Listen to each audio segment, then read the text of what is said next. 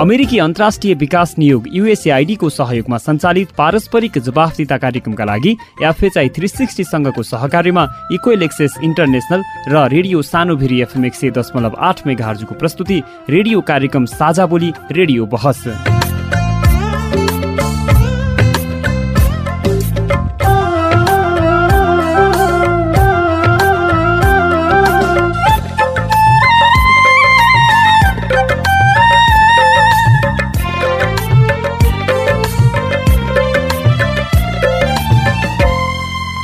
नमस्कार साझा बोली रेडियो बहसमा तपाईँलाई स्वागत छ। म मनिष खड्का। साझा बोली रेडियो बहसमा हामी नागरिक समाज आम सञ्चार माध्यम र सार्वजनिक निकाय बीचको पारस्परिक जवाफदिता र आपस सिद्धिको सम्बन्धका विषयमा बहस गर्छौँ। पारस्परिक जवाफदिताका क्षेत्रीय सवाल र परिवेश समेटेर तयार पारिएको साझा बोली रेडियो बहसको यो स्थानीय संस्करण हो। आजको साझा बोली रेडियो सानी फेरि एफएम एक सय दशमलव आठ मेगाहर्जले उत्पादन गरेको हो। यो कार्यक्रम रोल्पा जिल्लाको रेडियो रोल्पा एफएम सल्यान जिल्लाको रेडियो शारदा एफएम र प्युठान जिल्लाको रेडियो कृपाल एफएमबाट पनि सुन्न सकिन्छ। जवाफदिताको राष्ट्रिय सवालमा नीति र कार्यान्वयनको समन्वय गर्ने साझा बोली रेडियो बहसको केन्द्रीय संस्करण इक्वेल एक्सेस इन्टरनेसनलले काठमाडौँमा उत्पादन गर्छ। साझा बोलीका दुवै संस्करणहरू तपाईँले हरेक हप्ता एकै समयमा सुन्न सक्नुहुन्छ। साझा बोली रेडियो बहसको यस सत्रको यो स्थानीय संस्करणको चौधौँ भाग हो झन्डै चार वर्ष अघिदेखि प्रसारण भइरहेको साझा बोली यस वर्ष रेडियो बहसका रूपमा उत्पादन तथा प्रसारण सुरु भएको हो। साझा बोली रेडियो बहसको आजको भागमा कोरोना भाइरसको तेस्रो भेरिएन्ट लक्षित पूर्व तयारीका विषयमा बहस गर्दैछौँ।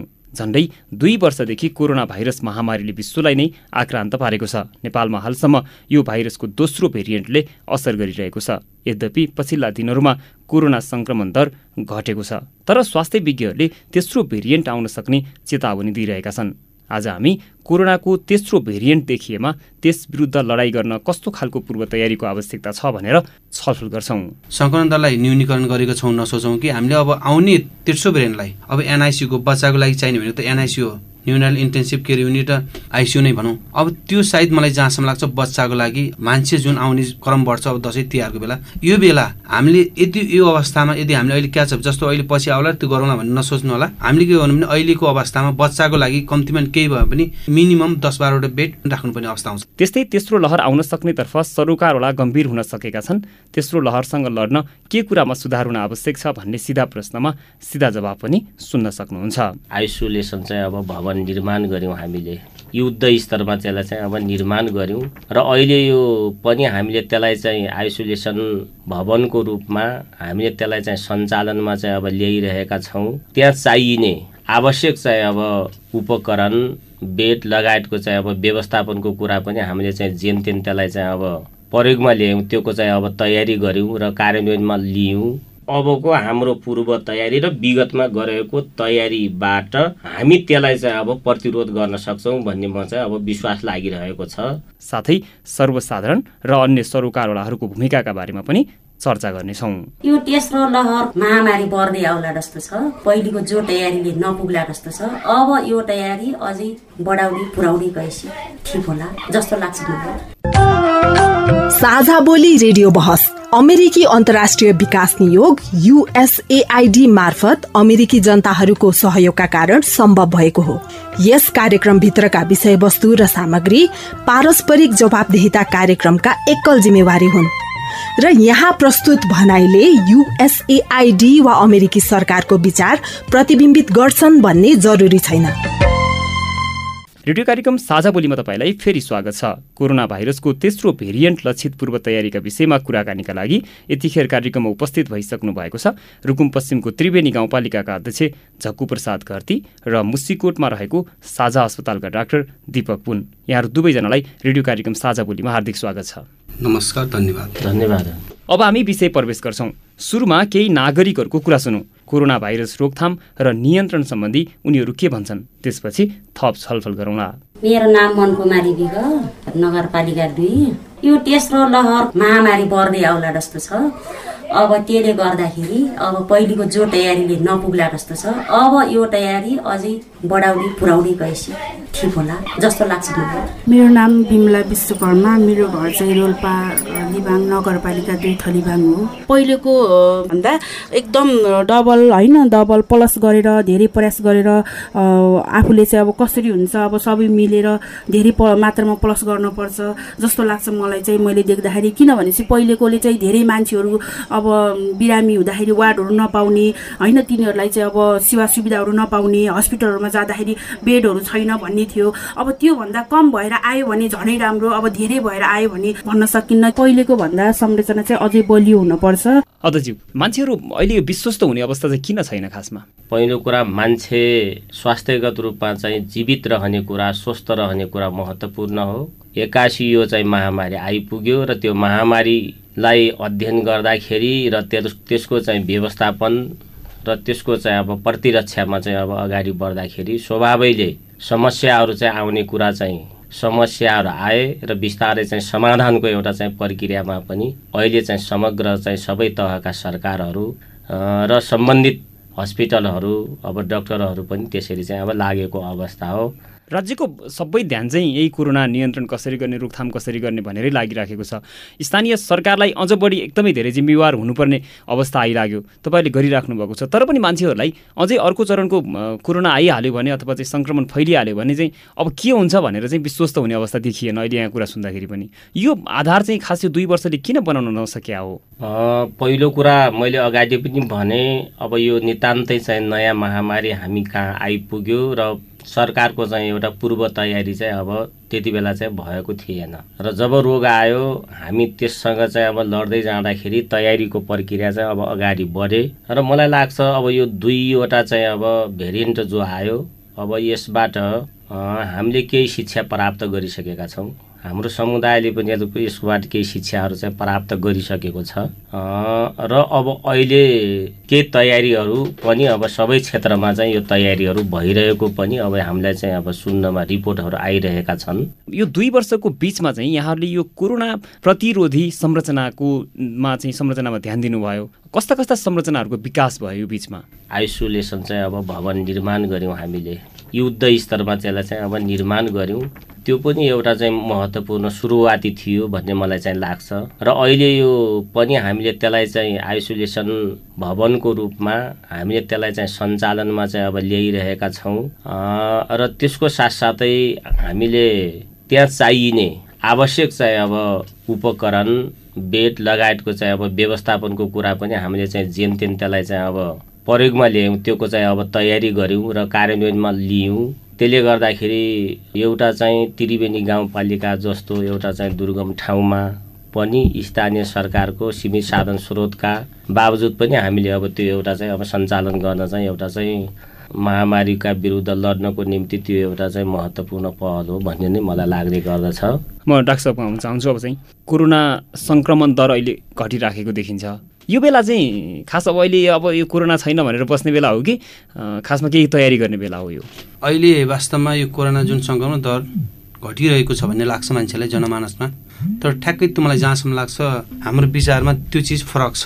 अब जस्तो हामीले अहिले जुन सङ्क्रमण दर घटेको छ भनेर जुन सोचिरहेछौँ हामीले त्यसलाई यसरी नसोचौँ कि यो कोरोनाको सङ्क्रमण एकदम घट्दै गएको हामीले त्यसरी नसोचौँ। किनभने मलाई जहाँसम्म लाग्छ हामीले जुन परीक्षणको दायरा एकदम कम भइरहेको छ पछिल्लो पिरियडमा। मैले बुझेअनुसार जुन अहिले बच्चाहरू म्याक्सिमम् बच्चाहरू जति छ अहिले जति हस्पिटलमा आउने बच्चाहरू नै ठुलो मान्छेभन्दा बच्चाको दर बढी छ। कम्तीमा नि दैनिक मैले उपचार गर्ने क्रममा मैले साठी सत्तरजना बिरामी हेर्दाखेरि त्योको रेसियोमा जम्मा पचास साठीजना बच्चाहरू परिरहेछ जसको लक्षण ठ्याक्कै कोरोनासँग मिल्दोजुल्दो छ। तर हामीले जब एन्टिजेन टेस्ट गर्छौँ ठ्याक्कै नेगेटिभ आउँछ। तर भनेको जहाँसम्म लाग्छ मलाई जहाँसम्म लाग्छ रुकुम पनि तेर्सो डेल्टा प्लसबाट पछाडि अछुतो छैन जस्तो लाग्छ तर परीक्षणको दायरा यदि हामीले पिसिआर हामी एन्टिजेनकै भरमा नगरेर पिसिआर गरेको खण्डमा। हामीले सङ्क्रमण दरलाई न्यूनीकरण गरेको छौँ नसोचौँ कि हामीले अब आउने तेर्सो ब्रेनलाई। जहाँसम्म लाग्छ मैले अब एनआइसियुको बच्चाको लागि चाहिने भने त एनआइसियु हो। Neonatal intensive care unit intensive त्यो आइसियु नै भनौँ। अब त्यो सायद मलाई जहाँसम्म लाग्छ बच्चाको लागि अब यो दसैँको लहरमा मान्छे जुन आउने क्रम बढ्छ अब दसैँ तिहारको बेला यो बेला हामीले यदि यो अवस्थामा यदि हामीले अहिले क्याच जस्तो अहिले पछि आउला त्यो गरौँला भन्ने नसोच्नु होला। हामीले के गर्नु भने अहिलेको अवस्थामा बच्चाको लागि कम्तीमा केही भयो भने दस बाह्रवटा बेड मिनिमम दस बाह्रवटा बेड राख्नुपर्ने अवस्था आउँछ। त्यसो भए अहिलेको यो भनेको सुनामी अगाडिको सन्नाटा भन्नु मिल्छ यसलाई? मिल्छ। किनभने अब मैले भने त मैले मात्र बोलेको नि विज्ञहरूले पनि बोलिरहेको छन्। अब यो हामीले लास्टमा नसोचौँ है यो डेल्टा प्लस एकदम सामान्य रूपमा गयो झऱ्यो एकदम सङ्कट कम छ भने नसोचौँ। एक्कासी यस्तरी लाँदैछ कि हामी त्यो थेक्नै नसक्ने अवस्थामा पुग्न सक्ने अवस्था छ। अहिले संरचनागत रूपमा हेर्दाखेरि चाहिँ हामी कुन अवस्थामा छौँ? भोलि एउटा त्यो किसिमको महामारी आयो भने त्यसलाई थेक्न सकिने अथवा त्यसलाई रोक्न सकिने क्षमतामा छौँ हामी? अहिले यही हिसाबले त हामी सक्दैनौँ। किनभने एउटा स्थानीय तहले मात्रै गर्न सक्दैन। मैले जहाँसम्म देखेको मैले विगतमा म के अरे प्रशासनले बोलाएको बैठकमा पनि जान्थेँ मैले उहाँहरूसँग प्रस्ताव के गर्थेँ भने तपाईँहरू मात्रै सक्नुहुन्न। हामी बसेका छौँ हाम्रो पनि दायित्व छ मेरो समाज छ मेरो फ्यामिली छ मेरो परिवार छ मेरो पनि दायित्व हो।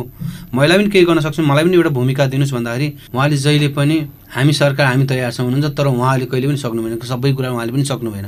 भनेको मैले के भन्छु नि स्थानीय तह त्यसपछि त्यहाँको स्वास्थ्य निकाय त्यसपछि प्राइभेट सेक्टरका जुन छ नि हस्पिटल उहाँहरूसँग समन्वय गऱ्यो भने जहाँसम्म लाग्छ हामीसँग मेन पावर पनि पुग्छ।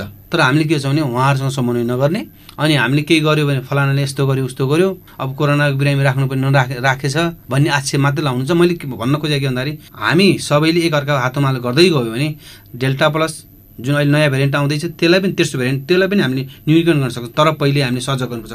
कसरी कसरी? जस्तो उहाँले हाम्रो स्थानीय तहले पनि जति गर्छ अब यसमा कति उहाँले अब त्यो बजेट निर्धारण गर्नुभएको छ त्यो चिज उहाँले गर्नुभएको छ कि छैन त्यो अब आफ्नो पार्ट हो कम्ती दस बाह्रवटा न्युनियट बच्चाको लागि त्यो छुट्टी बनाउन सकिन्छ। यो संरचनागत रूपमा चाहिँ अथवा चाहिँ यो संरचना निर्माण गरेर कोरोना भाइरससँग लड्नको लागि चाहिँ गरिराखेको प्रयास चाहिँ कतिको पर्याप्त देखियो? अब जहाँसम्म लाग्छ मान्छेले जति स्रोत साधन छ त्यसले युटिलाइज गर्ने हो। अहिलेसम्मको तहमा जुन स्थानीय तहले गरेको त एउटा सराहनीय नै छ मैले भन्दाखेरि किनभने यतिसम्म हामीले जुन मान्छेको क्याजुअलिटी त कम छ नि। देख्नु त हाई देखियो तर पनि मान्छेले हामीले आफै सावधानी नअपनाउनु मान्छे जुन मृत्युदर बढेको हो कि? जस्तो हामीले भनेका चिजहरू कतिपय कुरामा भौतिक दूरी कायम गर्नुहोस् भनेको छौँ मानेको छैन। ल तपाईँले तातो तातो चिजहरू खानुहोस् झोलिल खाने कुरा खानुहोस् भन्दाखेरि त्यसलाई नटेर उहाँले चिसो आइसक्रिम फ्रिजमा राखेको चिजहरू खानु भएको छ। मलाई जहाँसम्म जुन अब यो भनेको कस्तो नि लास्ट स्टेजमा उहाँहरू हस्पिटल पुग्दाखेरि हामीले गर्न सक्नु त केही छैन नि। जुन मान्छे सुरुमै आयो हस्पिटल त्यो मान्छेलाई केही पनि भएको छैन। जो मान्छे अन्तिम अन्तिम अवस्थामा त न त्यसलाई बचाउन सकिन्छ न हामीसँग भेन्टिलेटर पनि छैन नि त। देख्नु भएको छ भेन्टिलेटरको अवस्था शल्यमा अझैकोमा आउँछ है। एउटा महामारी चाहिँ सबैले पुग्दाखेरि सन्तास फैलियो। तर त्यस्तो बिचमा पनि यहाँहरूले चाहिँ काम गर्दै जानुभयो। र यो बिचमा चाहिँ सबैभन्दा ठुलो पाठ चाहिँ यहाँहरूले सिकेको के हो? अब स्वास्थ्य नै अब धन हो। त्यसो मान्छे जीवन छ सबै कुराको परिकल्पना गर्न सकिन्छ। जीवन छैन भने अरू परिकल्पनाको कुनै चाहिँ अर्थ छैन। त्यसैले अहिले जिउने कुरा। महामारीमा आपतमा दुःखमा चाहिँ समुदायलाई र आफू बाँच्ने र अरूलाई बचाउने कुरा नै चाहिँ मुख्य हो। त्यसपछि अरू कुरा चाहिँ गर्न सकिन्छ। त्यो पाठ सिकेर अहिले चाहिँ यहाँहरूले चाहिँ सुरुवात गरेको अथवा चाहिँ संरचना निर्माणदेखि लिएर पूर्वाधार निर्माणमा चाहिँ गरेको थालनी चाहिँ के हो? अब फेरि त्यसो भेरिएन्ट भने आउन सक्छ। हामीले विगतका अनुभूतिबाट अब त्यसलाई चाहिँ अब केही तयारी गर्नुपर्ने हुन्छ। त्यसको लागि अहिले हामीलाई प्राप्त जे निर्देशनहरू छन् विज्ञहरूले भनेको स्वास्थ्य विभागले भनेका ती मापदण्डहरूलाई चाहिँ हामीले प्रयोग गर्नुपर्ने हुन्छ र त्यो प्रयोग गरेर जाँदाखेरि मुख्य कुरा धेरै चाहिँ अब बच्चा बच्चीहरूलाई रोगीहरूलाई बिरामीहरूलाई त्यहाँ चाहिँ आइसोलेसनमा राख्नुपर्ने स्थिति भयो भने त्यसको चाहिँ अब थप अब संरचना हाम्रो पूर्व तयारी चाहिँ हुनुपर्ने हुन्छ र हामीले अहिले के गरेका छौँ भने फेरि अर्को अब सेकेन्ड फ्लोर दोस्रो तला पनि हामीले चाहिँ निर्माण गरिसकेका छौँ र त्यसलाई अब थप थोरै चाहिँ फेन्सिङको हामी दस पन्ध्र दिनभित्रै त्यसलाई चाहिँ फेन्सिङ गर्छौँ। त्यसले गर्दा थप राहत हुन्छ। हामीसँग अहिले बिसवटा बेड त हामीसँग त्यहाँ छँदै तयारी हालतमै छ। जति बेला पनि हामीले चाहिँ पहिले पनि थियो अक्सिजन लगायतको चाहिँ सामानहरू पनि जेन तेन त्यहाँको सन्दर्भमा हामीलाई अहिले चाहिँ छ। अब त्यति कुराले नपुग्ने कुरा पनि हुन्छ होइन? अहिले तपाईँ पारस्परिक जवाफसिता प्रवर्धनका लागि साझा बोली रेडियो बहस सुन्दै हुनुहुन्छ। हामी कुरा गरिरहेका छौँ कोरोना भाइरसको तेस्रो भेरिएन्ट लक्षित पूर्व तयारीका विषयमा र छलफलमा हुनुहुन्छ रुकुम पश्चिमको त्रिवेणी गाउँपालिकाका अध्यक्ष झक्कु प्रसाद घरती र मुसिकोटमा रहेको साझा अस्पतालका डाक्टर दीपक पुन। यतिन्जेल हामीले स्थानीय तहमा कोरोना भाइरस रोकथामका लागि कस्ता संरचनाहरू छन्? यी संरचनाले कोरोना भाइरसको थप सङ्क्रमणलाई रोक्न सकिन्छ भन्ने बारेमा छलफल गरेका छौँ। अहिलेसम्मको छलफलबाट थप संरचना निर्माण र सतर्कताको आवश्यकता देखियो। साझा बोली रेडियो बहसमा अझै हामी स्थानीय तह कोरोना भाइरसको थप सङ्क्रमण फैलिन सक्नेतर्फ कतिको गम्भीर छन् र आगामी दिनमा फैलिन सक्ने लहरलाई रोक्न के कुरामा सुधार हुन आवश्यक छ भन्ने बारेमा कुराकानी गर्नेछौँ। हामीसँगै रहनुहोला।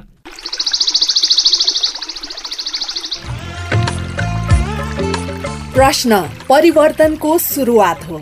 जवाफ रूपान्तरणको आधार हो। प्रश्न आविष्कारको जननी हो। जवाफ सुशासनको परिणाम हो। त्यसैले प्रश्न सोधौं जवाफ खोजौं। तपाईँले हामीलाई पैसा नलाग्ने नम्बरमा फोन गरेर आफ्ना कुराहरू भन्न सक्नुहुन्छ। एनसेल प्रयोग गर्नुहुन्छ भने अन्ठानब्बे शून्य पन्ध्र एकहत्तर शून्य उन्तिसमा फोन गर्न सक्नुहुन्छ। एनटिसी प्रयोग गर्नुहुन्छ भने सोह्र साठी शून्य एक शून्य शून्य चार पाँच नौमा फोन गर्न सक्नुहुन्छ। अथवा Boli Sajha at the rate Gmail dot com B O L I S A J H A at the rate Gmail dot कममा इमेल गरेर वा मेरो रिपोर्ट र साझा बोलीको फेसबुक युट्युब ट्विटर टिकटक पोस्टहरूमा सेयर लाइक वा कमेन्ट गरेर पनि आफ्ना कुराहरू भन्नु सक्नुहुन्छ। पारस्परिक जवाफदेहिताका लागि प्रश्न सोधौं जवाफ खोजौं। साझा बोली रेडियो बहस। रेडियो कार्यक्रम साझा बोलीमा कोरोना भाइरसको तेस्रो भेरिएन्ट लक्षित पूर्व तयारीका विषयमा सवाल जवाफ सुन्दै हुनुहुन्छ। हामीसँग हुनुहुन्छ रुकुम पश्चिमको त्रिवेणी गाउँपालिकाका अध्यक्ष झक्कु प्रसाद घरती र मुसिकोटमा रहेको साझा अस्पतालका डाक्टर दीपक पुन। यतिन्जेल हामीले स्थानीय तहमा कोरोना रोकथामका लागि विकास गरिएका संरचनाका विषयमा कुराकानी गरेका छौँ। अब हामी स्थानीय सरकारले थप के गर्नुपर्छ भन्ने बारेमा कुरा गरौँ। तर सुरुमा केही नागरिकका कुरा सुनौ अनि छलफल गरौँला म सङ्गम देवकोटा मेरो घर चाहिँ बापीकोट गाउँपालिका तिन नम्बर वडा पर्छ अहिले पछिल्लो चरणमा यो कोभिड नाइन्टिन सम्बन्धी अलिकति लापरवाह रहेको जस्तो देखिन्छ। दूरी नै कायम छैन। कतिपय ठाउँहरू मास्क नै लगाएका छैनन्। दुर्गमका विद्यार्थीहरू त्यत्तिकै अब यो कोरोनाको जोखिमबाट विभिन्न भाइरल सिजनल ज्वरो भनेर भग्गा भगहरू टाइफाइडको खोपहरू लगाइरहेको अवस्था देखिन्छ। खास विशेष गरी अझै यो यसलाई अझ प्रभावकारी बनाउनको लागि स्थानीय तह र पछिल्लो चरणमा अलिकति यो सेलाएको जस्तो देखिन्छ। मेरो नाम खिमा कौर मेरो घर रोल्पा नगरपालिका दुई ठलीबाङमा पर्छ। यहाँका मान्छेहरू चाहिँ त्यति गम्भीर छैनन्। स्थानीय तह पनि त्यति गम्भीर छैन। अनि पुराना संरचनाहरूले पनि त्यति राम्रोसँग काम गर्न सक्ला जस्तो छैन। अब यहाँको अवस्था हेर्दाखेरि चाहिँ अब सामान्य भइसकेको जस्तो देखिने भएको कारणले गर्दा यहाँका स्थानीय तहहरू चाहिँ गम्भीर हुन नसकेको देखिन्छ। डाक्टर साहब यो मान्छेहरूमा पनि अलिकति जे कुराले अलिक बढी सताउँछ त्यही कुरामा केन्द्रित हुने त्यो कुराले जब सताउन छोड्छ त्यसपछि पनि वास्ता गर्न छोडिदिने गर्ने जो मानसिकता छ त्यसले पनि अहिले यो सङ्क्रमण थप फैलिनमा सहयोग गरेको भन्न मिल्छ? अब जहाँसम्म लाग्छ पछिल्लो पिरियडमा स्थानीय तहमा पनि अब जुन स्कुल खुल्ने सञ्चालन गर्ने विद्यालयहरू पनि सञ्चालन गर्ने कुरा आयो। त्यसपछि अब मान्छे अनि सामाजिक दूरी पनि कायम छैन। पहिलाको जस्तो भिडभाड छ देख्नु भएको छ। बजारतिर हेर्दा पनि मान्छेको कुनै डिस्टेन्स छैन न मास्क लागेको छैन केही पनि छैन। तर मलाई जहाँसम्म लाग्छ यो स्थानीय तहले पनि अलिक कमी कमजोरी गरेको जस्तो लाग्छ मलाई। जुन स्कुल खुल्न हतार गरियो यसले ठुलो दुर्घटना त निम्ताउँछ कि जस्तो पनि लाग्छ है मलाई। पछिल्लो पिरियडमा मैले भने पनि थिएँ कति ठाउँमा स्कुल अहिले नखोलौँ यो दसैँपछि मात्रै खोलौँला। किनभने यो जुन आउने हाम्रो जुन छ अहिले दसैँ तिहारको चाडपर्व यसले पनि अलिक त बढी जोखिम दिन्छ। अहिले स्कुल दसैँपछि खोल्दा राम्रो होला उपयुक्त नै होला। किनभने बच्चा अहिले हेर्नुहोस् मैले जति स्कुलमा गएको बच्चाहरू म्याक्सिमम् धेरै प्रायः विद्या बच्चाहरूमा ज्वरो रुगा खोकी टाउको दुख्ने यो लक्षण देखिरहेछ। अब उहाँहरूको परीक्षण त गर्दैन तर उहाँहरूको ब्लड खुन कुनै रगतहरू चेक गर्दा सामान्य देखिन्छ न टाइफाइड तर हाम्रो के छ भने गाउँघरतिर टाउको दुख्यो ज्वरो आयो हातखुट्टा फोऱ्यो भने टाइफाइड भयो भन्ने हामीले अनि गाउँको अन्य आवश्यकमा सुई लाउने त्यसले गर्दा के भने मान्छेमा जुन रोगसँग लड्ने क्षमता हो जुन हामीले खानपिनमा अलिक त बढुवा गर्नुपर्ने सबै चिज बाहिरिने भावनाले अलिक ग्यापिङ। तर यो चेतना नि एकदमै गाह्रो चिज रहेछ होइन? यत्रो चिज हुँदा पनि मान्छे आँखै अगाडि मर्दा पनि हिजो त्यो धेरै लामो समय पनि भएको छैन होइन? भर्खरै छिमेकको मान्छे गुमाउँदा आफ्नै परिवारको मान्छे गुमाउँदा पनि अहिले मान्छेहरूले फेरि लापरवाही गरेको हेलचेक्राइ गरेको देखिन्छ। यसमा चाहिँ अलिक बढी चाहिँ अब कसरी जानुपर्ने हो? स्थानीय सरकारले ठ्याक्कै के कुरामा ध्यान दिनुपर्ने र अन्य सरकारवालाको ध्यान चाहिँ के हुनुपर्छ? स्थानीय स्थानीय तह र अन्य सरकारवालाको के गर्ने भूमिका भूमिका भन्दाखेरि जस्तो मलाई जहाँसम्म लाग्छ उहाँहरूले प्रत्येक वडामा स्वास्थ्य इकाइ कमिटी जस्तो लाग्छ। स्वास्थ्य सेवा कार्यालय पनि छन् भर्तिङ सेन्टरको नाममा विभिन्न संस्था पनि राख्नु भएको छ। उहाँले गर्नुपर्ने के हो भने त्यहाँको स्थानीय तहको स्वास्थ्यकर्मी प्यारामेडिक्सहरूलाई उहाँले कम्तीमा नि दैनिक घर दैलो कार्यक्रम चलाउनुपर्छ अब यो। यदि घर दैलो कार्यक्रम चलाउन सकिएन भने गाउँघरमा अनावश्यक मलाई जहाँसम्म लाग्छ। यो अहिले सुई नलाएको मान्छे एउटा पनि भेट्नुहुन्न। गाउँको मेडिकलहरूमा चाहे प्राइभेट सेक्टरमा चाहे सरकारीमा जहाँ जानुहोस् सुई लगाएका देखिन्छन्। तर मैले यही सुई लगाएको सरकारी मेडिकलमा काम गर्ने तर उहाँहरूले बाहिर मेडिकल खोलेर पनि सुई लगाएको अवस्थाहरू पनि देखिन्छन्। त्यसले के प्रभाव पार्छ उहाँले डाइरेक्ट उहाँहरू पनि भनाइ के छ भने डाइरेक्ट टाइफाइड भन्ने सुलाउने हुन्। त्यसै नगरौँ बरु हामीले रोगको पहिचान सुरुमा गरौँ। त्यही अनुसार उपचार गरेको खण्डमा। हामीले जुन मृत्यु दर छ त्यसलाई पनि न्यूनीकरण गर्न सकिन्छ। तर स्थानीय तहले गर्नुपर्ने के हो भन्दाखेरि घर दैलो कार्यक्रम गरेर मान्छेलाई सजग गराउनु पर्छ आफ्नो स्वास्थ्य संस्थामा आइसकेको बिरामीलाई उसलाई मोटिभेसनल हामीले साइकोलोजिकल रूपमा मानसिक रूपमा उसलाई तन्दुरुस्त बनाएर पठाउनु पर्छ भने एउटा मेन त्यो चाहिन्छ है। हजुर। यो दुई वर्षको बिचमा विभिन्न संरचनाहरू बने होइन जस्तो गाउँपालिका अध्यक्षज्यूले भन्नुभयो हस्पिटलहरू बनायौँ आइसोलेसनका कुरा पनि त्यसै गरी भए। अन्य संरचना पनि हामीले चाहिँ निर्माण गरिराखेका छौँ गर्दै पनि छौँ भनेर भन्नुभयो। यो तेस्रो भेरिएन्टले चाहिँ कस्तो किसिमको समस्या पुर्याउन सक्ला र त्यसलाई परास्त गर्नको लागि चाहिँ के कुरामा चाहिँ ठ्याक्कै सुधारको आवश्यकता देख्नुहुन्छ? अब सुधारको अवस्था मैले के देख्छु भन्दाखेरि हामीले तेस्रो भेरिएन्टसँग लड्नको लागि आत्मविश्वास चाहिन्छ। जुन कमान्ड गर्नेछ उहाँले मैले भने जस्तो त्यति जनशक्तिले पुग्दैन। थप गर्नुपर्छ। दुई तिनजना डक्टर अझै राख्नुपर्छ उहाँहरूले। किन राख्नुपर्छ भने एकजना डक्टरले सक्दैन। किनभने पालो गर्नु पऱ्यो ड्युटी सिस्टम हरेक कुरा जानु पऱ्यो आलो पालो गर्नु पऱ्यो कम्ती दुई तिनजना डक्टर भयो भने र उहाँले के भन्नु प्राइभेट सेक्टरमा पनि उहाँले युटिलाइज गर्नुपर्छ त्यो अवस्थामा। यदि उहाँले प्राइभेट सेक्टरलाई इग्नोर गर्नु भने उहाँ फेल खाइहाल्नुहुन्छ फेरि। किन त्यो जनशक्तिलाई पनि त्यहाँ प्रयोग गरेको खण्डमा। त्यो त सबैको साझा हो नि त। किनभने डेल्टा यो कोरोनासँग लड्न त सबैको साझा चाहिन्छ उहाँले एक्लै पनि सक्नुहुन्न। अरू संरचनागत रूपमा के कुराको आवश्यकता देख्नुहुन्छ? अब अरू संरचनामा उहाँले स्वास्थ्य कर्मीहरूको भर्ना अझै गर्नुपर्छ। एक जस्तो प्रत्येक स्वास्थ्य संस्थाहरू छन् त्यो प्रत्येक स्वास्थ्य संस्थामा तिनदेखि पाँचवटा उहाँले बेड अनिवार्य बनाउनै पर्छ। तिनदेखि पाँच बेड अनिवार्य बनाउनै पर्छ। किन बनाउनु पर्छ भने उहाँका त्यो स्वास्थ्य संस्था पनि पुराना पुराना अनुभवी त छन् नि। उहाँहरूले पनि त्यो चिज ह्यान्डल गर्न सक्नुहुन्छ। त्यस कारणले अनि अर्को कुरा प्रत्येक स्वास्थ्य संस्थामा उहाँले कम्ती नै पाँचवटा अक्सिजन कन्सिडेन्ट मेसिनहरू उपलब्ध गराउनुपर्छ। कम्ती भने पाँचवटा अक्सिजन कन्सिडेन्ट किनभने सबै आउने भने अब सबै अक्सिजन अब कमी भएर आउने बिरामी हुन्। त्यस कारण कम्ती प्रत्येक स्वास्थ्य संस्थामा उहाँले अक्सिजन कन्सि अक्सिजनको मात पनि उपलब्ध गराउनुपर्छ। र स्वास्थ्य संस्था जनशक्ति पनि उहाँले प्रत्येक स्वास्थ्य संस्था दुई तिनजना दुई तिनजना थप्नुपर्छ। जसले गर्दा सबैलाई एकदम पूर्वाधारको कुरामा अहिलेकै पूर्वाधारले धान्न सक्छ औजारहरू? जस्तो औजारहरू पनि पर्याप्त छैनन् अक्सिजनको मात्रा अक्सिजन कन्सन्ट्रेट मेसिनहरू पनि चाहियो अनि बाफ लाउने मेसिनहरू न्युब्लाइजेसन मेसिनहरू पनि चाहियो। त्यसपछि अब त्यसपछि अब प्रत्येक ठाउँमा सोलर बत्तीहरू पनि जडान गर्नु। जसले गर्दा भोलि आइपरेको खण्डमा हामीले ट्याकल गर्न सकौँ। त्यो त्यो अवस्था छैन जस्तो लाग्छ मलाई हस्। अध्यज्यू अब यो जब भयो राति तब बुढी ताती भन्ने एउटा उखान जस्तै। अब सामान्य हुँदाखेरि वास्ता नगर्ने जति बेला एकदमै धेरै त्यसको राप आयो त्यसपछि मात्रै तातिने त्यसो गर्दाखेरि चाहिँ तयारी नपुग्ने तयारी नपुग्दाखेरि जनधनको क्षति हुन सक्ने स्थिति देखिरहेको छ अहिलेसम्म। किन हुन सकिरहेको छैन समयमै सबै कुराको व्यवस्थापन? यसमा तिनवटा अन्तर्विरोध छन् के? मलाई एकदम ट्वाक्कै अनुभूतिको कुरा गर्दाखेरि अब सीमित स्रोत र असीमित के अरे आवश्यकताको एउटा चाहिँ अन्तर्विरोध छ। अर्को कुरा त्यस कारणले गर्दाखेरि हामीले सर्भिस दिन इन टाइम सर्भिस दिन केही झमेलाहरू चाहिँ आइपुग्छन्।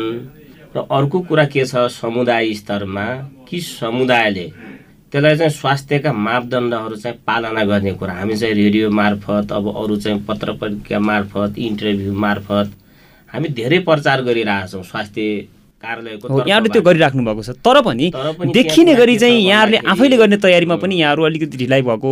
अन्तिममा आएर तयारी गर्ने। समुदायले त्यसलाई चाहिँ अब आत्मबोध गर्ने कुरा हुन्छ आत्मसातीकरण गर्ने कुरा हुन्छ। म के भन्न चाहन्छु भने यहाँहरूको रेडियो मार्फत आम समुदायलाई उहाँले यो कुरा बुझ्नुपर्छ। नीतिगत कुरा चाहिँ उहाँले बुझिदिनुपर्छ। त्यसो भयो भने त्यसका विरुद्ध चाहिँ अब लड्न सकिन्छ। र अब अर्को कुरा तयारी चाहिँ अब हामीले केही गरिरहेका छौँ र थप तयारी चाहिँ अब गर्नुपर्ने हुन्छ। तयारी नगरेर फेरि भोलि चाहिँ जति बेला चाहिँ समस्या आयो उति बेला तातिने भन्ने कुरा पनि चाहिँ उपयुक्त होइन।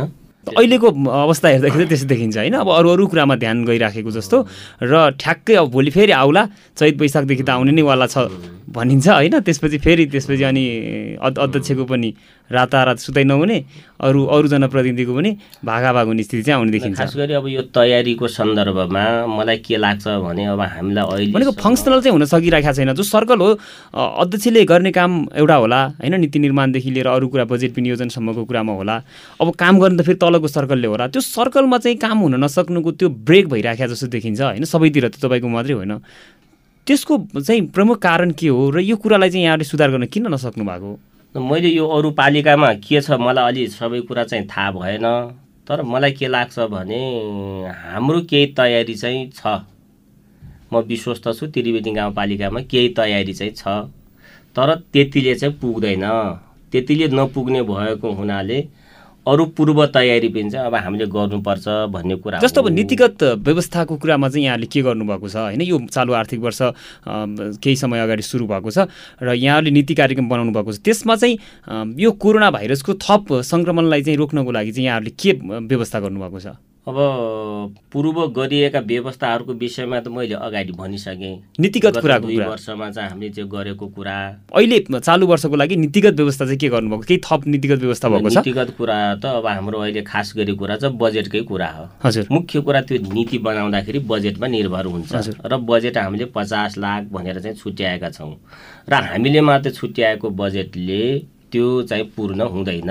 त्यसका निम्ति प्रदेश सरकार र सङ्घीय सरकारको थप चाहिँ बजेट व्यवस्थापन त्यहाँ ती सरकारहरूले पनि गर्नुपर्ने हुन्छ। त्यसो भयो भने तिनै तहका बजेटलाई समायोजन गरेर अब तेस्रो लहरका विरुद्ध चाहिँ लड्न सकिन्छ भन्ने म माथिल्ला सरकारहरूलाई पनि म चाहिँ सुझाव दिन चाहन्छु। हजुर। अहिले यसो कुरा सुन्दाखेरि नि अब सबैको कुरा अब यसो तपाईँले भनिराख्दाखेरि ए भोलि परेको बेला चाहिँ यस्तो एउटा चाहिँ संयन्त्र बनेको छ। त्यसले गर्दाखेरि चाहिँ कोरोना सङ्क्रमणलाई रोक्नको लागि सहयोग गर्छ भनेर चाहिँ यसो विश्वस्त हुने ठाउँ त छ देखिन्छ। होइन बजेट पनि छुट्याउनु भएको छ नीतिगत कुरा पनि छ आइसोलेसन बनाउनु भएको छ गाउँपालिकाले अस्पतालै सञ्चालन गरिराखेको छ डक्टर पनि राख्नु भएको छ।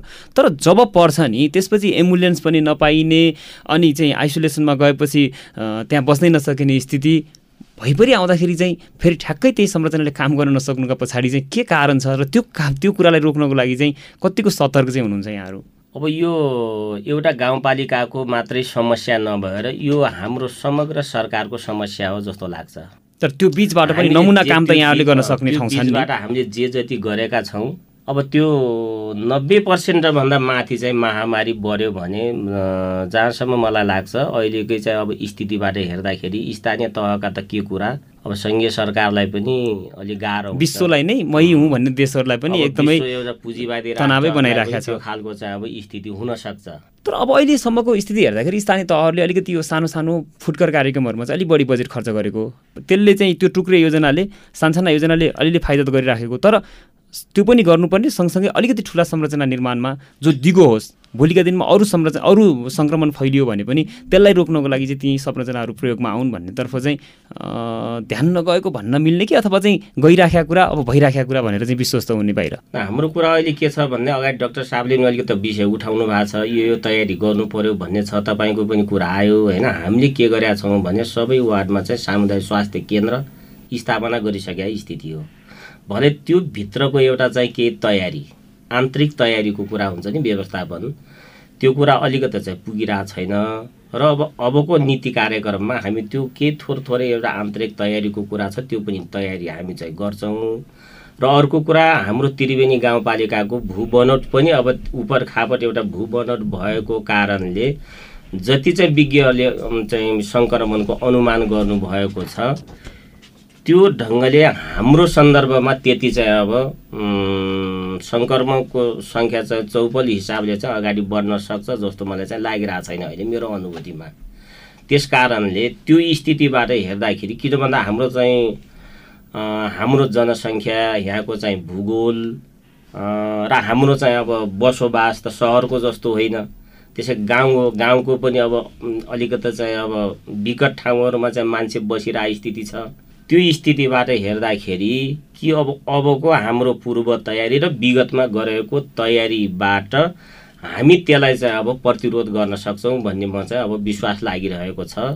र अब त्यहाँ चाहिँ केही तयारीहरू चाहिँ अब गर्नुपर्ने हुन्छ। साझाबोली रेडियो बसमा अहिले हामी कुरा गरिरहेका छौँ कोरोना भाइरसको तेस्रो भेरिएन्ट लक्षित पूर्व तयारीका विषयमा। र छलफलमा हुनुहुन्छ रुकुम पश्चिमको त्रिवेणी गाउँपालिकाका अध्यक्ष झक्कु प्रसाद घरती र मुसिकोटमा रहेको साझा अस्पतालका डाक्टर दीपक पुन। साझाबोली रेडियो बहसमा अझै हामी कोरोना भाइरसको रोकथाम र नियन्त्रणमा अन्य सरोकारवाला निकायसहित आम नागरिकको भूमिकाका विषयमा छलफल गर्नेछौँ। साझाबोली रेडियो बहस सुन्दै गर्नुहोला।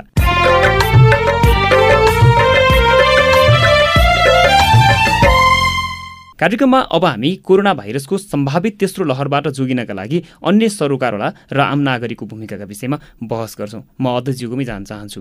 अब सरकारले गरिराखेको छ लागिराख्नु भएको छ। त्योभन्दा बाहिरको निकाय र आम नागरिकहरूले चाहिँ के कुरामा चाहिँ सहयोग गर्न सघाउन चाहिँ आवश्यक छ ताकि त्यसले सरकारलाई पनि यो लडाइँमा लड्नको निम्ति बल पुगोस्? यसको निमित्त सरकार सरकारसँग चाहिँ जोडिएको चाहिँ अब स्वास्थ्य त्यसपछि आएर चाहिँ प्राइभेट सेक्टर र समुदायको बरोबर एउटा चाहिँ भूमिका र जिम्मेवारी हुन्छ।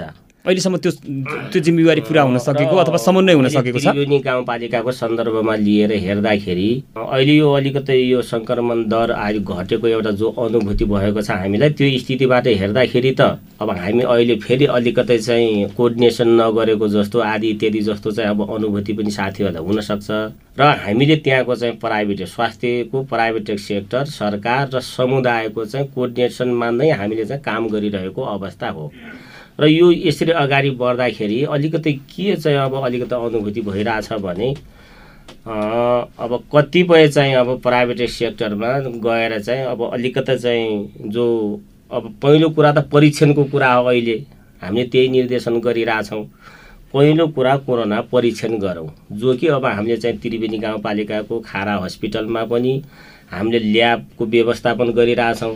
अब त्यसको निम्ति चाहिँ केमिकल अनि त्यहाँको जनशक्ति सबै कुरा छ। सिमरुतुमा पनि हामीले चाहिँ ल्याबको लागि त्यहाँ चाहिँ अब उपकरण सहितको व्यवस्थापन गरिरहेछौँ।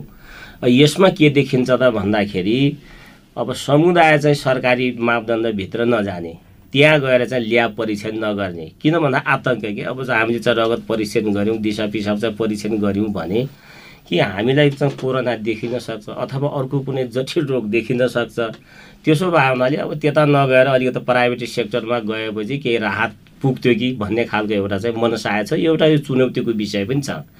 र अर्को कुरा के छ त भन्दाखेरि अब प्राइभेट सेक्टरहरूले सञ्चालन गरेका फार्मेसी अथवा अरू चाहिँ मेडिकलहरूमा अलिकति के हो त भन्दाखेरि त्यहाँ पनि एउटा चाहिँ ल्याब टेस्ट गर्ने। पहिलो कुरा त त्यहाँ परीक्षण गरे के हो त तपाईँको बिरामीको अवस्था भन्ने कुरा त्यसलाई चेक गरेपछि मात्रै अरू उपचारको प्रक्रिया चाहिँ अब अगाडि बढाउने कुरा हो। अब हामीलाई गरेको निर्देशन पनि यो अब नीतिगत कुरामा हामी सबै तिनवटै सेक्टरले चाहिँ पालना गर्नुपर्ने हुन्छ। जस्तो नीतिगत कुरामा यहाँलाई अगाडि बढ्नको लागि नीतिगत कुरामा हुनसक्छ होइन? अब अरू कुरामा चाहिँ अब जस्तो प्राविधिक सहयोगको विषयमा हुनसक्छ। यहाँहरूले आश गरेको खास बाहिरको क्षेत्रबाट चाहिँ आश गरेको कुरा चाहिँ के हो? बाहिरबाट अब हामीले चाहिँ निर्देशन गरेका कुरा स्वास्थ्य विभाग स्वास्थ्य कार्यालयले स्थानीय सरकारले तय गरेका जो स्वास्थ्यका मापदण्ड हुन् त्यो मापदण्ड चाहिँ प्राइभेट सेक्टरले पनि त्यसलाई चाहिँ आत्मसात गरिदिनु पर्ने हुन्छ। र समुदायले त्यसलाई चाहिँ सुरक्षाका मापदण्ड पनि अनिवार्य लागू गर्नुपर्ने हुन्छ। र सरकारले पनि जे कुरा निर्णय गरेको छ निर्णय गरेका कुराहरूलाई चाहिँ अब लागू गर्नुपर्ने हुन्छ। र थप तयारी के पुगेको छैन त्यो तयारीतर्फ चाहिँ लाग्नुपर्ने हुन्छ। जस्तो अहिले एउटा कुरा आएको छ नि स्मार्ट चाहिँ एउटा चाहिँ उ गर्ने होइन के लकडाउनको कुरा। लकडाउन गर्दाखेरि अब हामी चाहिँ थ्याक्न सक्छौँ अहिले शैक्षिक संस्थाहरू खुलिरहेछन् त्यसलाई पनि त्यहाँ चाहिँ रोक्न सक्छौँ भन्ने कुरा यस्तै यी विषयहरू जो आछन् नि पूर्व तयारीमा। यी विषयलाई पनि हामीले त्यसरी चाहिँ गयौँ भने अब केही रूपमा हामी त्यसका विरुद्ध चाहिँ लड्न सक्छौँ र सहकार्य पनि अब अगाडि बढ्न सक्छौँ। हस् डाक्टर साहब बाहिरको निकायको मौनता चाहिँ किन? बाहिर निकायको साधा मलाई जहाँसम्म लाग्छ त्यति मौनता त छैन। तर पनि सरकारसँग हातेमालो गरेको साझेदारी गरेको चाहिँ यो दुई वर्षको बिचमा पटक्कै देखिएन। नै मैले त यो पहिला पनि यो कोभिड नाइन्टिन सुरुमा देखिँदा मैले पनि भनेको मैले प्रस्ताव पनि गरेँ होइन? अब यो तपाईँहरू मात्रै सक्नुहुन्न हामीलाई पनि त काम देऊ नि त। हो व्यक्तिगत रूपमा तपाईँले पहुँच भएका हिसाबले अध्यक्षज्यूलाई अथवा मेयर साहबलाई चाहिँ सुझाव दिने अथवा अरू जनप्रतिनिधिहरूलाई कर्मचारीहरूलाई सुझाव दिने कुरा एक ठाउँमा होला। तर पनि निजी क्षेत्र यति धेरै विज्ञता हासिल गरेको क्षेत्र बाहिर छ सरकारी क्षेत्र छ यो दुइटैको समन्वयमा त यो कोरोना भाइरस रोकथामको निम्ति पहल गरेको सँगसँगै हिँडेको त देखिएन। मैले होइन त जस्तो मैले त यो प्रस्ताव मैले जल जिल्ला प्रशासनमा मिटिङ हुँदा पनि मैले प्रस्ताव राखेको थिएँ। जस्तो उहाँले तपाईँहरू पनि भूमिका चाहिन्छ भने चाहिँ मैले दुईवटा बेड छुट्टै पनि आइसोलेसन गरेर आइसोलेसनको लागि भनेर छुट्टै राखेको हो। अब त्यो युटिलाइज भएन होइन? अब जस्तो उहाँले के भने एउटा मिटिङमा एउटा कुरा गर्नुहुन्छ अनि आएर पछि त्यो कार्यान्वयन हुँदैन कि? कार्यान्वयन नभएपछि जस्तो हामीलाई त तपाईँले ल यो आइसोलेसन बेड बनाउनु होला भने बनायो राख्यो। तर त्यसको युटिलाइज गर्न पाएन भने त्यसको अर्थ पनि भएन। जस्तो उहाँले हामीलाई के भन्नु त्यति बेला गत यो भयो यो यो साल अगाडि अघिल्लो वर्ष। उहाँले भने तपाईँले प्रत्येक स्वास्थ्य संस्थाले कम्ती हामीले दस दसवटा डस्ना र सिरकहरू जो क्वारेन्टाइन लागि दिनु पऱ्यो भनेर मैले हामीले बनायौँ। तर त्यो पनि प्रयोगमा आएन। बनायौँ तर हामीले त्यत्तिकै राख्यौँ थन्कायौँ। भनेपछि त्यो टाइम कहिले काहीँ के हुन्छ नि अब जस्तो हामीले गरेका छौँ कि छैनौँ तपाईँले कतिसम्म हामीले भनेको कुराहरू सुन्नुभयो कि नै भन्ने उहाँले पनि त एउटा त्यो पनि भयो। जस्तो अब केही कुराहरूमा अब एउटा एउटा विज्ञता हासिल गरेको क्षेत्र बाहिर छ। यो क्षेत्रले गएर चाहिँ यसरी अगाडि बढ्नुहोस्। यो यो सामग्रीको यो यो औजारको व्यवस्था गर्नुहोस्। यसरी नीति बनाउनुहोस् यसरी बजेटको व्यवस्थापन गर्नुहोस् भनेर सुझाव दिने आइडिया दिने उहाँहरूलाई चाहिँ काम सजिलो बनाउने चाहिँ कुरामा चाहिँ के रोक्या छ त्यस्तो गर्नलाई? जहाँसम्म लाग्छ मलाई रोकेको होइन। जस्तो हामी बिचको कोर्डिनेसन नै एकअर्का बिच बुझ्न नै हामीले नसकेका जस्तो उहाँहरूलाई सोचे अब होइन दुईवटा सब यस्तै हो भन्ने उहाँहरूले पनि मैले होइन अध्यक्ष पनि यस्तै हो भने सबै त्यसरी हामी नेपालीपनको एउटा अल्छीपनाले पनि गर्दा यस्तो भएको जस्तो लाग्छ। जहाँसम्म लाग्छ मलाई म म फेरि कस्तो हो भने मैले सबैसँग कोर्डिनेसन गर्नु छ समन्वय गर्नुपर्छ भने मैले जस्तो अहिले पछिल्लो पिरियडमा मैले सिडिओ साहबसँग दुई तिनचोटि प्रस्ताव के गर्ने सिडिओ साहब लकडाउन गर्नुहोस् है लकडाउन गर्नुहोस् बच्चा मात्रै देखिन्छ यो यो त भएन हजुर यो त अवस्था जो गम्भीर होला जस्तो लाग्छ भन्छु। हजुर मेरो हातमा छैन अब स्थानीय तहले पनि टेर्दैन भन्नुहुन्छ। अब स्थानीय तहलाई उहाँले मिटिङ राख्नु पनि सिडिओ साहब थाहा भएन। किन मैले भन्ने ठाउँबाट त मैले भने नि। किनभने मैले दिनमा जति हेर्छु जति बिरामी हेर्छु त्यसको रेसियोमा त मैले नाइन्टी पर्सेन्ट त बच्चा मैले हेरिरहेको छु। नाइन्टी पर्सेन्ट बच्चामा पनि सेभेन्टी फाइभ पर्सेन्ट बच्चा त सिरियस छन्। खास के गरिदिनु पर्ने त? यहाँहरूलाई चाहिँ सरकारले यहाँहरूका कुरा सुनिदिनको लागि कस्तो वातावरण चाहिँ बनाइदिनु पर्ने हो त? छोटोमा है। होइन वातावरण कस्तो बनाउनु पर्ने भन्दा नि प्रत्येक महिना बाहिरी सेक्टरको स्वास्थ्य संस्थाका बाहिर जुन छन् प्राइभेट सेक्टरका र स्थानीय तहका स्वास्थ्य संस्था र एउटा गाउँपालिकामा स्वास्थ्य इकाइ छ क्या? त्यो बिच एउटा प्रत्येक मन्थली के हुन्छ मिटिङ बसाल्यो भने उहाँले प्राइभेट सेक्टरले गरेका गल्ती पनि त्यहाँनिर करे आउँथ्यो र करेक्सन हुन्थ्यो र एउटा समझदारी बन्थ्यो एकअर्का बिच मिल्थ्यो र अनि त्यो बिच गर्दाखेरि के हुन्थ्यो भने स्वास्थ्य संस्था झनै अलिक प्रभावकारी स्मुथली चल्थ्यो कि। उहाँले के हुन्छ भने सरकारी सेक्टरका साथीहरूले प्राइभेट सेक्टरलाई पुरै इग्नोर गर्ने के अरे प्राइभेट सेक्टरका साथीहरू अब स्वास्थ्य के अरे ऊ सरकारी निकायसँग ड्राएर भएर भएर बस्छ। उसले त खुलम खुला। भनेको नियमित बस्ने वातावरण हुनु पर्यो। हुनु पर्यो अझै छोटोमा है हामी अन्त्यमा छौँ। यो गर्दा त सरकारलाई नै फाइदा होला नि होइन? यो खालि पैसा पनि नलाग्ने धेरै दुःख पनि गर्न नपर्ने बाहिरको क्षेत्रसँग समन्वय गरेर बेला बेलामा छलफल गरिराख्ने बसिराख्ने कुरा सुन्ने त्यसरी गर्दाखेरि त यहाँलाई पनि आइडिया आउने सजिलो हुने। त्यो गर्न किन नसकिया? यो कुरा हाम्रो संविधानले चाहिँ व्यवस्था गरेको कुरा प्राइभेट सेक्टर सरकारी सेक्टर र चाहिँ अब अरू चाहिँ संस्था। यो संविधानको मर्मको कुरा हो र संविधानमा व्यवस्था भएको कुरालाई हामीले कार्यान्वयन गर्नुपर्ने हुन्छ। हामी जे निर्णय गर्छौँ त्यसलाई कार्यान्वयनमा जानुपर्ने हुन्छ। भले कतिपय चाहिँ अवस्थामा त्यो छुट्न गएका छन् र त्यसलाई अब हामी सिरियसली चाहिँ लिनुपर्छ। हामी सबैको दायित्व हो। यसलाई सिरियसली लिउँ र यता कार्यान्वयनमा जाउँ। त्यो छलफल भएको दुईटाको समन्वय भएको देख्न सकिन्छ छलफल अन्तर्क्रिया पनि चाहिँ अब गर्दै जाउँ। म के भन्न चाहन्छु भने डाक्टर साहबहरूलाई र अरू यहाँ चाहिँ उपस्थित नभएका साथीहरूलाई त्रिवेणी गाउँपालिकाको सन्दर्भमा यो प्रक्रिया चाहिँ अगाडि बढाउँ किन भन्दाखेरि स्वास्थ्य बचाउने कुरा हो र रुकुम जिल्लाकै सन्दर्भमा पनि त्यो गर्न सकिन्छ। र अब सिडिओ साहबले पनि यसको लागि चाहिँ पहल गर्नुपर्ने हुन्छ मिटिङको आयोजना गर्नुपर्ने हुन्छ र सबै त्यो छलफल गऱ्यौँ भने मलाई लाग्छ रुकुमको सन्दर्भमा त्यति चाहिँ यो कोर्डिनेसन गर्न नसक्ने यो भयङ्कर ठुलो दरारको विषय हो भन्ने मलाई लाग्दैन। अलिकति बुझबुझानका कुरा हुन् यो क्लियर गरेर अगाडि बढ्न सकिन्छ। साझापोली रेडियो बहसमा अहिले हामी कुरा गरिरहेका छौँ कोरोना भाइरसको तेस्रो भेरिएन्ट लक्षित पूर्व तयारीका विषयमा। रुकुम पश्चिमको त्रिवेणी गाउँपालिकाका अध्यक्ष झक्कु प्रसाद घरती र मुसिकोटमा रहेको साझा अस्पतालका डाक्टर दीपक पुन छलफलमा हुनुहुन्छ। अब हामी कार्यक्रमको अन्त्यतिर आइपुगेका छौँ। म अझै जान चाहन्छु। अन्तिम प्रश्न हो यो। कोरोनाको तेस्रो लहर लक्षित पूर्व तयारीका लागि चाहिँ अब तत्काल देखिने गरी परिवर्तन चाहिँ केमा देख्न सकिन्छ? तत्काल देखिने चाहिँ सुधार केमा हुन्छ यहाँहरूको पूर्व तयारीका विषयमा? कुरा बजेटको कुरा हो। बजेट हामी पचास लाख चाहिँ छुट्याएका छौँ हाम्रो तर्फबाट। अर्को कुरा अब हामीले खोपलाई विस्तार गर्नु पर्यो परीक्षणको दायरा चाहिँ बढाउनु पर्ने हुन्छ। औषधि जन्य वस्तुहरू पनि हामीसँग चाहिँ अहिले चाहिँ तिन महिनाको लागि तयारी छ र थप त्यसलाई चाहिँ अरू प्लस गर्नुपर्ने हुन्छ। आइसोलेसन भवनको चाहिँ थप विस्तार गर्नुपर्ने हुन्छ र अगाडि डाक्टर साहबले भन्नुभयो त्यसलाई वार्डमा पनि हामी त्यो परीक्षणका लागि भए पनि केही चाहिँ अब दुई तिनवटा बेड चाहिँ राख्न नसकिने भन्ने चाहिँ समस्या छैन। त्रिवेणी गाउँपालिकाले त्यो व्यवस्था गर्न सक्छ। अर्को कुरा स्मार्ट लकडाउनको कुरा अगाडि आयो त्यो पनि हामी चाहिँ गर्न सक्छौँ। सीमा क्षेत्रमा हामी चाहिँ के गरे हेल्थ डेस्क आदि इत्यादिको चाहिँ व्यवस्थापन गरेर हामी त्यसलाई चाहिँ अब रोक्न सक्छौँ भिडभाडलाई बन्द गर्न सक्छौँ अर्को कुरा चाहिँ स्वास्थ्यका मापदण्डहरूलाई पूर्ण पार्नको हामीले चाहिँ गर्नुपर्ने हुन्छ। र त्योभित्र पनि हामीले केही न केही चाहिँ अब आर्थिक क्रियाकलापहरू पेसा व्यवसाय त गर्नुपर्छ नै। त्यसको निम्ति पनि हामी थप एउटा अलग थलग भएर चाहिँ काम गर्ने एउटा चाहिँ परिपाटीको विकास गर्ने र त्यसको लागि अभियानात्मक रूपले चाहिँ हामी चाहिँ लाग्नुपर्ने हुन्छ। र नीतिगत व्यवस्थाको कुरा। नियमै बनाउने नीति नै बनाउने कुरामा चाहिँ के सोच्नु भएको छ? नीति त हामीले बनाइसकेका छौँ कि अब महामारीका विरुद्ध लड्ने भन्ने कुरा होइन त्यसलाई विधिको कुरा हो। अब विधि बनाउन पर्यो। विधि चाहिँ अभियान बनाएर हुन्छ कि घर दैलो कार्यक्रम गरेर हुन्छ कार्यान्वयनमा पनि जोड दिनुहुन्छ। गोष्ठी गरेर हुन्छ कि त्यहाँ चाहिँ अब जनशक्तिहरूलाई खटाएर हुन्छ कि। खास गरी हामीले अहिलेसम्म चाहिँ अडतिसवटा चाहिँ सिलिन्डर छन् हामीसँग।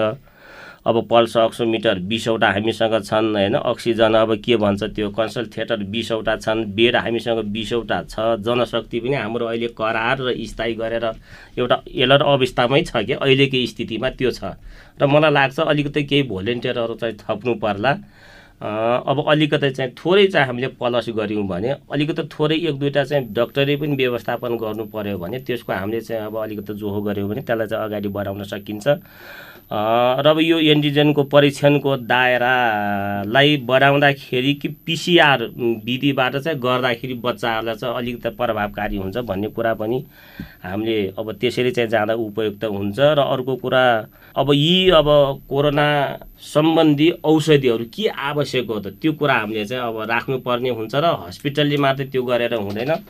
प्राइभेट सेक्टरलाई पनि हामीले सरकारको तर्फबाट निर्देशन दिनु पर्यो तपाईँ यो यो खालको चाहिँ त्यसलाई रोग लाग्नुभन्दा रोगको बाटो छेक्ने एउटा विधि यो गर्नुहोस् भनेर उहाँलाई पनि हामी चाहिँ अब सल्लाह दिन्छौँ त्यो निर्देशन दिन्छौँ। त्यो अनुसार उहाँले पनि गर्नुपर्ने हुन्छ। यसो भयो भने सहज ढङ्गले हामी यसलाई चाहिँ प्रतिरोध गर्न सक्छौँ। डाक्टर साहब तपाईँहरू जस्ता सरोकारवालाको भूमिका चाहिँ अब के हुन्छ?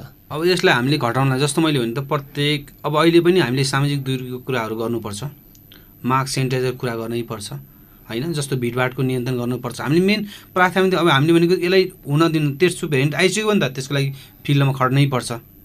म प्राइभेट सेक्टर भयो भने मैले खट्नुपर्छ मैले गर्नुपर्छ मेरो दायित्व मेरो भूमिका नै त्यही हो। तर मैले त्यसलाई चिजलाई नआउन दिनलाई मैले के गर्नु चाहिँ अहिले जुन दसैँ तिहारको लहर आउँदैछ यसलाई अलिकति भौतिक दूरी कायम गरेर बस्नुपर्छ आफ्नो फ्यामिली बाहेक अर्को फ्यामिलीसँग धेरै टच नगर्ने। मेन अनि अर्को कुरा मैले उहाँले अब एउटा कुरा भने तर उहाँले त्रिवेणी गाउँपालिकामा प्रत्येक स्वास्थ्य संस्थामा कम्तीमा पाँचवटा कन्सल्टेन्ट्री रेडी राख्नु छ प्रत्येक पाँच भने त हाम्रो कम्तीमा दसवटा छ दसवटामा पचासवटा पचासवटा कन्सल्ट मेसिन आ उहाँले कतैबाट सहयोग माएर लिनुहुन्छ त्यो न्यूनतम त्यति राख्नुपर्ने अवस्था मैले देख्छु अब पछिबाट यहाँहरूले खेल्ने भूमिका चाहिँ के हुन्छ? मैले खेल्नुपर्ने भूमिका मैले उहाँहरूले मलाई सहयोग माग्ने खण्डमा जहाँ पनि फिल्डमा खट्न तयार छु। र मैले गर्नुपर्ने जस्तो आइपरेको खण्डमा मलाई उहाँले यो दायित्व तपाईँको हो भने चाहिँ मैले त्यो गर्ने दायित्व मैले निर्वाह गर्न सक्छु। तर उहाँले त्यो भन्नुपर्छ फेरि। मैले आफै पनि जाने कुरामा आफ्नो मैले त भने मेरो आफ्नै शक्ति मैले भने त मैले प्रत्येक तपाईँलाई पनि थाहा छ। मैले मेरो साझा अस्पतालमा कुनै बिरामी पनि चाहे कोभिड होस् चाहे नन कोभिड मैले जस्तो परिस्थितिमा सुरुको स्टेजमा मैले मजाले हेरेको छु र उहाँलाई खुसी पठाएर पठाएको छु। पोजिटिभ आएको केसमा मैले कसैलाई होम आइसोलेसन बस्नुहोस् भनेर पनि काउन्सिलिङ त्यही नै मेरो भूमिका हो। मैले गर्नु पनि त्यही हो। हस् आजको हाम्रो छलफलमा सहभागी भइदिनु भएकोमा यहाँ दुवैजनालाई धेरै धेरै धन्यवाद। धन्यवाद यहाँ लगायत यहाँको रेडियो परिवारलाई। धन्यवाद। हामी साझा बोली रेडियो बहसको अन्त्यमा आइपुगेका छौँ। साझा बोली रेडियो बहसबारे मनका कुरा भन्नको लागि एनटिसीको मोबाइल वा ल्यान्डलाइन फोन प्रयोग गर्नुहुन्छ भने सोह्र साठी शून्य एक शून्य शून्य चार पाँच नौ नम्बरमा फोन गर्न सक्नुहुन्छ। एनसेल प्रयोग गर्नुहुन्छ अन्ठानब्बे शून्य पन्ध्र एकहत्तर शून्य उनातिसमा फोन गर्नुहोला। यी नम्बरहरूमा फोन गरेको पैसा लाग्दैन र प्राप्त निर्देशन अनुसार प्रश्न सोध्न सकिन्छ।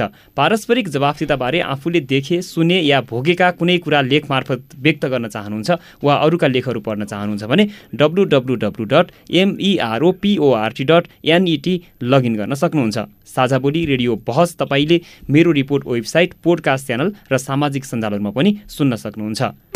हवस् त आजको साझा बोली रेडियो बहसबाट अब बिदा हुने बेला भयो। आज हामीले कोरोना भाइरसको सम्भावित तेस्रो लहरबाट बस्नका लागि के पूर्व तयारी गर्न आवश्यक छ भन्ने बारेमा छलफल गरेका छौँ। आजका हाम्रा अतिथि रुकुम पश्चिमको त्रिवेणी गाउँपालिकाका अध्यक्ष झक्कु प्रसाद घरतीले कोरोना भाइरस रोकथाम र नियन्त्रणका लागि दुई वर्षदेखि पालिका गम्भीर रूपमा लागेको र यो बीचमा कोरोना विरुद्ध लड्न थुप्रै संरचनाहरू निर्माण भएको बताउनुभयो। आगामी दिनमा यी संरचना कोरोना भाइरसको सम्भावित तेस्रो लहरसँग लड्न काम लाग्ने र थप संरचना नीति तथा योजना निर्माणमा ध्यान केन्द्रित गर्ने प्रतिबद्धता जनाउनु भयो। अर्का अतिथि मुसिकोटमा रहेको साझा अस्पतालका डाक्टर दीपक मुनले कोरोना भाइरस फरक रूपमा फैलिन सक्ने जोखिम रहेको र यसका लागि थप सशक्त भएर जुट्नुको विकल्प नभएको बताउनु भयो। यसका लागि आफ्नो तर्फबाट हुन सक्ने योगदानका लागि सधैँ तत्पर रहने पनि उहाँले वचन दिनुभयो। आशा छ यी प्रतिबद्धताहरू पुरा हुनेछन्। यतिन्जेल ध्यान दिएर कार्यक्रम सुन्नुभएकोमा तपाईँलाई धन्यवाद। आगामी हप्ता आजको जस्तै समयमा सार्वजनिक जवाफदिताको अर्को विषयमा खरो छलफल लिएर आउनेछौँ।